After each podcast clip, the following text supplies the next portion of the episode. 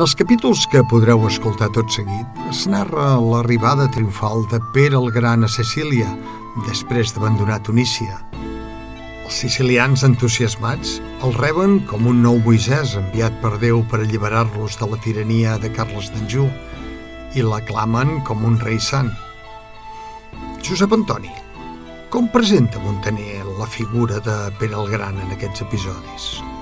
En els capítols que narren l'arribada dels catalans a Sicília, Pere el Gran és presentat com un llibertador, com un salvador del poble sicilià. Eh, com ja estat dit, eh, per tal de reforçar aquesta presentació del personatge, eh, Montaner recorre una, una interessant comparació procedent del llibre bíblic de, de l'Èxode. Dir, compara els sicilians amb, amb els israelites sotmesos sota el jou del faraó d'Egipte, que seria sí, Carles d'Anjou, i equipara el rei Pere amb un nou Moisès profèticament destinat a alliberar eh, el seu poble de la tirania angevina. Es tracta, per cert, d'una comparació que no apareix només en la crònica de Montaner, sinó en molts altres textos de l'època, eh, particularment en moltes eh, fonts eh, del bàndol sicilià.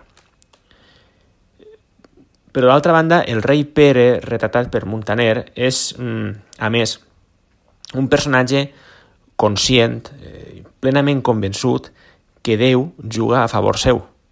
I per això, tot just acabat de desembarcar a Sicília, eh, decideix enviar la seva armada a interceptar i combatre l'esquadra de Carles d'Anjou, tot i saber que aquesta esquadra és molt superior en nombre a la seva. Doncs ho fa perquè mm, està convençut que, com que defensa una causa justa, Déu l'ajudarà a ell i no als angevins. I efectivament, poc després tindrà lloc el combat naval de Nicòtera en el qual eh, l'armada catalana destruirà eh, l'angevina, tal com el rei havia dit que passaria.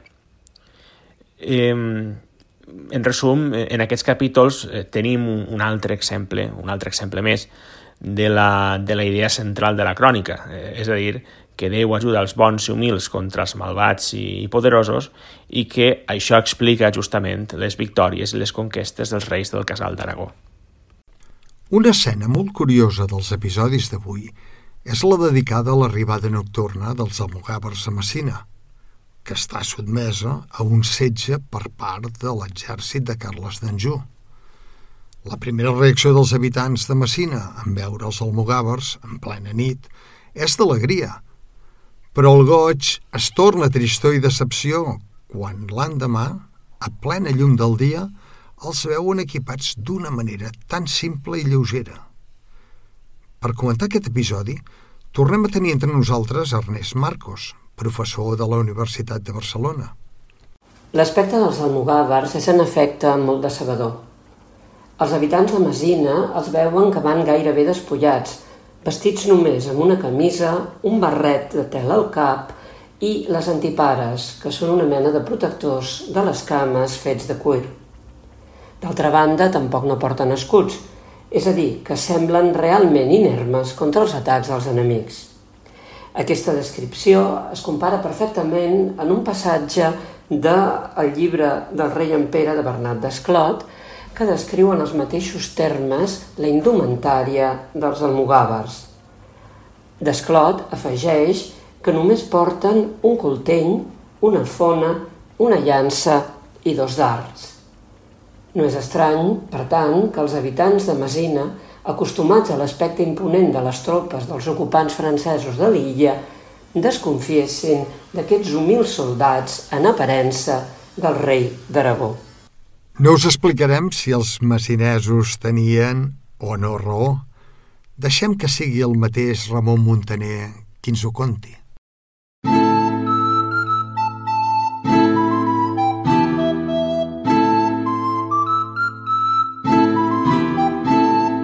Quan el senyor rei va sentir aquestes paraules tan meravelloses i aquesta bona voluntat de les gens, va aixecar els ulls al cel tot dient Senyor, jo em prenc aquest viatge en el vostre servei i en honor vostre, i a les vostres mans m'encomano a mi i a les meves gens.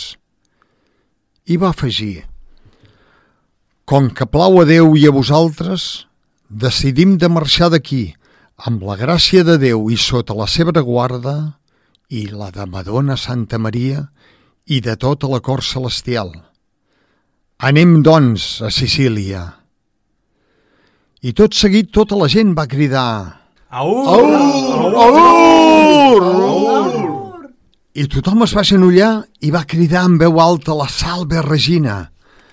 I aquella mateixa nit van salpar les dues barques de Sicília en direcció a Palerm, amb la bona nova.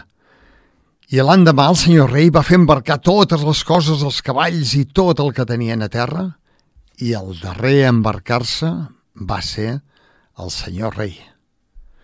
I quan ja estaven embarcats, que van ser capaços de fer-ho en només tres dies, les altres dues barques armades dels sicilians se'n van anar dient que els havien vist fer vela i que Déu ens doni un goig semblant al que hi va haver per tot Sicília quan els va arribar aquesta notícia. Ara deixem el senyor rei, que se'n va en un bon viatge cap a Sicília, i parlem dels serraïns. Quan els serraïns van veure les veles en el mar, van tenir por que no fos un altre estol que vingués en ajuda del senyor rei d'Aragó, i van estar quatre dies sense gosar apropar-se al coll, perquè tenien por de caure en una trampa. I a la fi s'hi van anar apropant a poc a poc, i quan van veure que els cristians se n'havien anat, ho van celebrar amb grans festes i amb molta alegria. I se'n va tornar cadascú a la seva terra amb tants de planys i de plors pels amics i parents que havien perdut, que per sempre més en parlarà tothom a Barberia. I tindran més por de la casa d'Aragó que de cap altra casa reial que hi hagi al món. Ara els deixaré estar a ells i tornaré a parlar del rei d'Aragó. El senyor rei va tenir tan bon temps com podia desitjar i va trigar ben poc a arribar a Trapani, tres dies abans de la fi del mes d'agost de l'any 1282. I així podeu saber quant de temps va estar el senyor rei al coll, que ell hi va arribar a finals de maig i va desembarcar a Trapani a tres dies de la fi del mes d'agost. I no crec que hi hagi cap rei cristià al món que hi pogués haver estat tant de temps comptant només amb els seus diners. I després de desembarcar a Trapani va haver-hi tanta lluminària per tot Sicília, perquè la gent de Trapani va enviar correus a totes les parts de l'illa, que va ser una gran meravella el goig que tots mostraven. I tenien raó d'estar contents, perquè Déu els havia enviat el sant rei d'Aragó perquè els deslliurés de les mans dels seus enemics, els guies i els governés talment com Déu va enviar Moisès al poble d'Israel i li va donar la verga. De la mateixa manera, amb el senyal de verga que hi ha al seu escut d'armes, el senyor rei d'Aragó deslliurarà així mateix el poble de Sicília. Per aquesta raó, tots podem veure que això va ser ben bé obra pròpia de Déu. I després que el senyor rei i la seva gent s'haguessin desembarcat a Trapani, no em cal explicar el goig i l'alegria que tothom va tenir, que les dones i les donzelles venien cantant davant del senyor rei i li cridaven... Sant senyor, que Déu et doni vida i et concedeixi la victòria per poder-nos deslliurar de la mà dels malvats francesos. I amb aquests cants, tots estaven tan contents i alegres que ningú no feia ni feina ni jornal. Què us diré?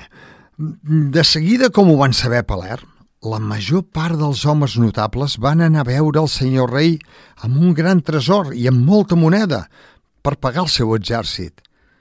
I el senyor rei no en va voler prendre res i va dir que, encara que ho hagués de menester, no en volia gens, que ell ja tenia prous diners i recursos per pagar-los però que estiguessin segurs que ell venia per rebre'ls com a vassalls i per defensar-los contra totes les persones del món. I així el rei Pere se'n va anar a Palerm i ben bé a quatre llegües li va sortir tota la gent de la ciutat I qui hagi vist grans alegries i grans festes podrà dir que aquella va ser la festa més alegre i més gran que mai s'hagi fet.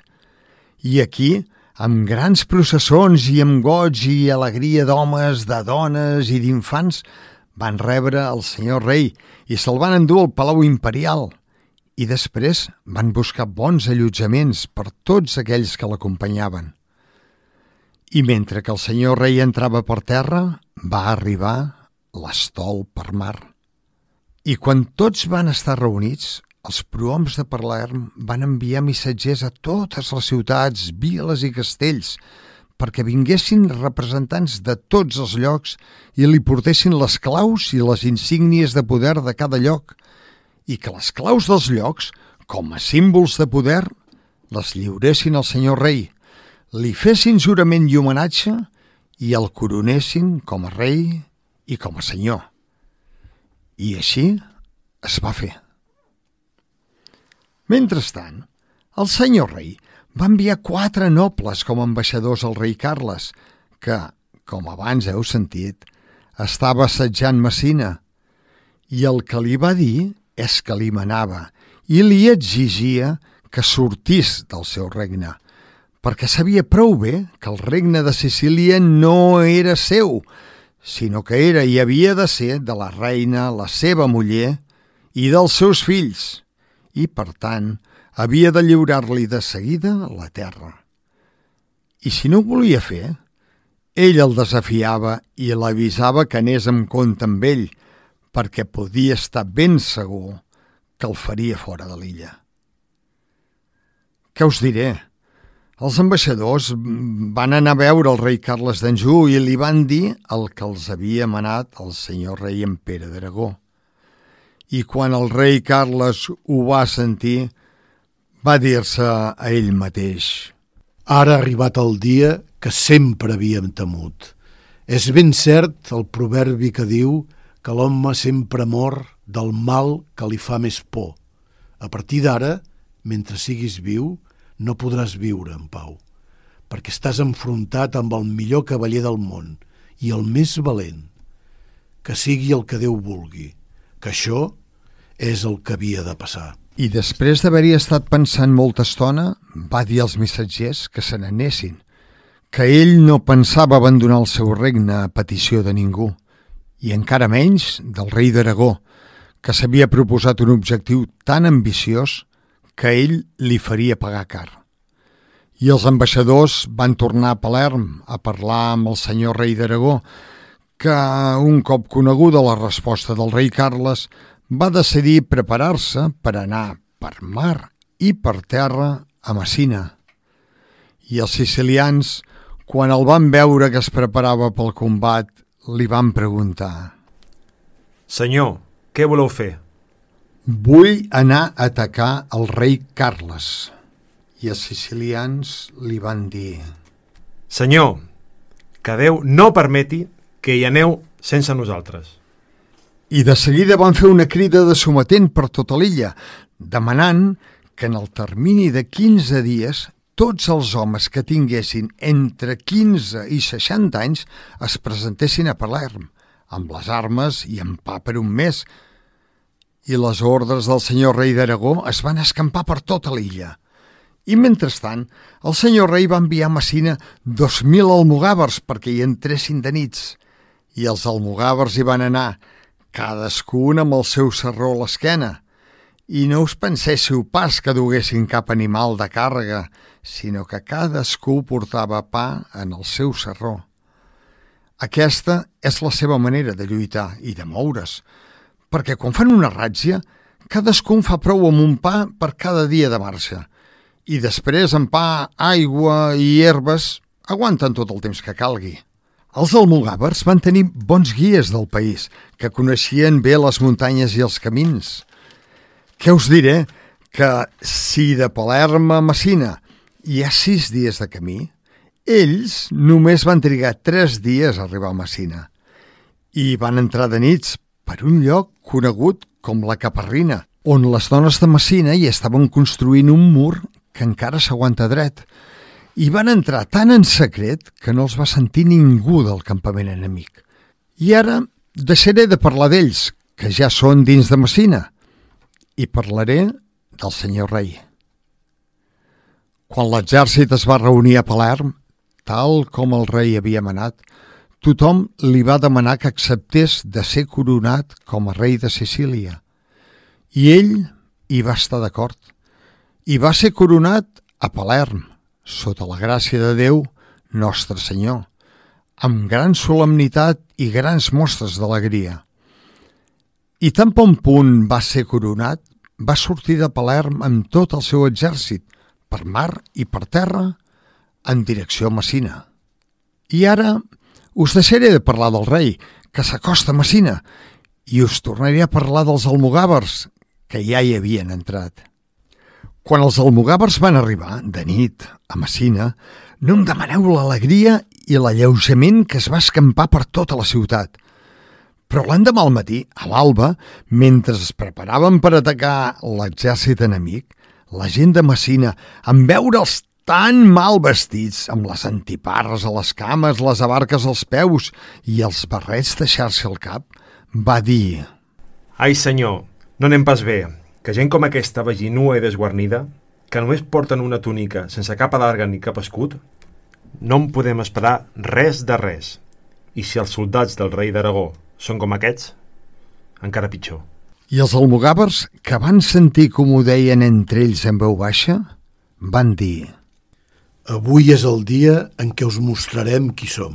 I van fer obrir un portal i van atacar l'exèrcit enemic amb tanta força que abans que se n'haguessin adonat havien fet tanta destrossa que va ser una meravella. Per aquesta raó, el rei Carles i els homes del seu exèrcit es van pensar que el rei d'Aragó en persona hi estava lluitant. I sense gairebé ni adonar-se'n ja havien mort més de 10.000 persones i després els almogàvers, amb tot el botí que van poder aconseguir, van tornar a la ciutat sants i estalvis. I quan les gens de Messina van veure les grans meravelles que els almogàvers havien fet aquell dia, van creure que un sol almogàver valia més que dos cavallers junts. I tothom, tant els homes com les dones, els van tractar amb grans honors – i van ser tan ben recompensats que aquella nit a Messina hi va haver unes llums i unes festes tan grans que els soldats de l'exèrcit enemic estaven esbaleïts i amb molta por i amb molt gran dolor.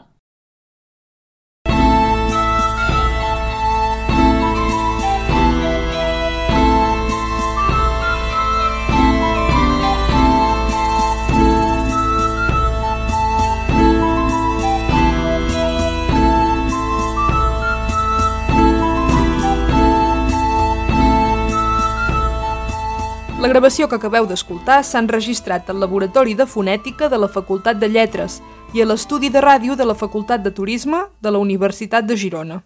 La lectura és a càrrec d'Albert Martínez, amb la col·laboració de Mercè Mas.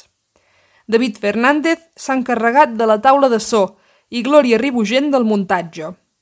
La traducció del text al català modern és de Xavier Renedo i Josep Antoni Aguilar.